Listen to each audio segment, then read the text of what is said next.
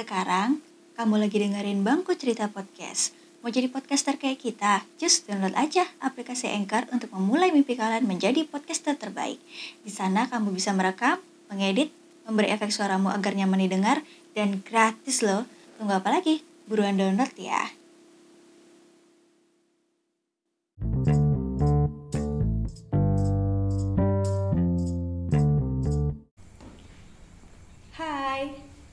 Selamat malam. Apa kabar hari ini? Semoga kita semua dalam keadaan baik-baik saja. Oke, di sini Mbak Bel bakal ngebawain tema dunia tipu-tipu.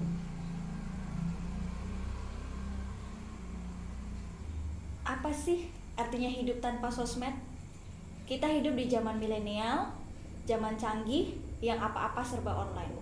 Mungkin kalau bisa buang air kecil pun online. Di zaman yang begitu canggih akan elektronik ini, apa pun kita bisa akses, termasuk situs-situs yang kontennya 18 tahun ke atas. Tapi hanya orang-orang tertentu yang bisa akses, ya nggak guys? Kalian tersadar nggak sih saat ini kalian berada di dunia tipu-tipu, kepura-puraan, dunia kepalsuan, sandiwara, sama halnya berita gembar-gembor di layar kaca, drama, sinetron, apalah. Percaya nggak kalian kalau itu real? Ada kemungkinan realnya 85%, sisanya gimmick buat naik buat naikin rating. Itu kalau versi televisinya. Nah, di kehidupan sehari-hari pun ada guys, nyadar nggak? Sama nih, kayak gini nih. Di sosmed postingannya jalan-jalan, makan-makan, hunting sana, hunting sini, Kalian pernah tahu kehidupan realitanya nggak? Nggak kan? Bisa jadi guys, dia post begitu hanya untuk naikin followers, bisa banyakin temen mungkin, ya bisa juga. Karena apa yang orang lihat, wah anak tajir nih, orkai, bisa makan, jalan sana, jalan sini. Faktanya kita nggak tahu dia dapat uang dari mana, kehidupan aslinya gimana bahagia atau sedihnya dia kita nggak tahu guys. Bisa aja kan itu uangnya hasil ngutang minjem atau hasil kerja keras dia sendiri kita juga nggak tahu. Terkadang ada yang posting kata-kata di sosmed dikira galau. Padahal aslinya orangnya cekikikan. Tahu nggak alasannya kenapa dia posting begitu? Untuk menarik simpati orang-orang.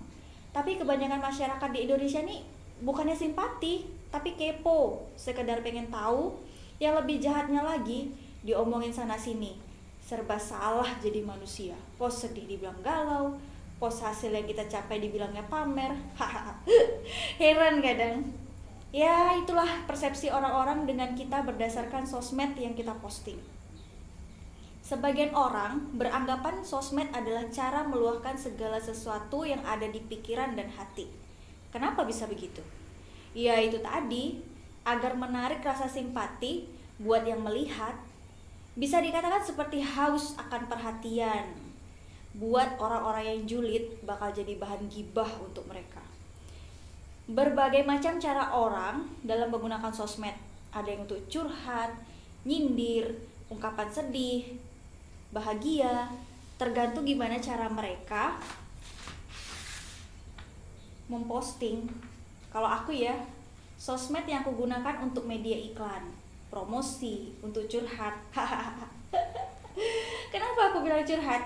Ya karena orang yang lihat hanya sekedar melihat. Tanpa harus tahu itu buat apa dan untuk siapa. Ya hanya ungkapan hati di saat nggak ada telinga untuk mendengar sih.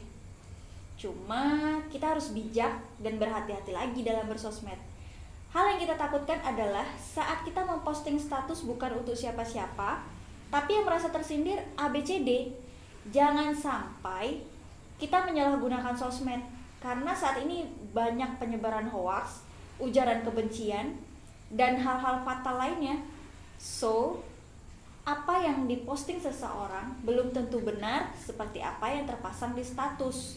Bisa jadi untuk lucu-lucuan, kesenangan pribadi, buat yang posting bahagia itu kita yang ciptakan orang lain hanya melihat ciptakan saja kebahagiaanmu sesuai dengan porsimu sendiri stop julid buat yang melihat status orang karena kita punya standar hidup masing-masing Tidak perlu iri dan dengki.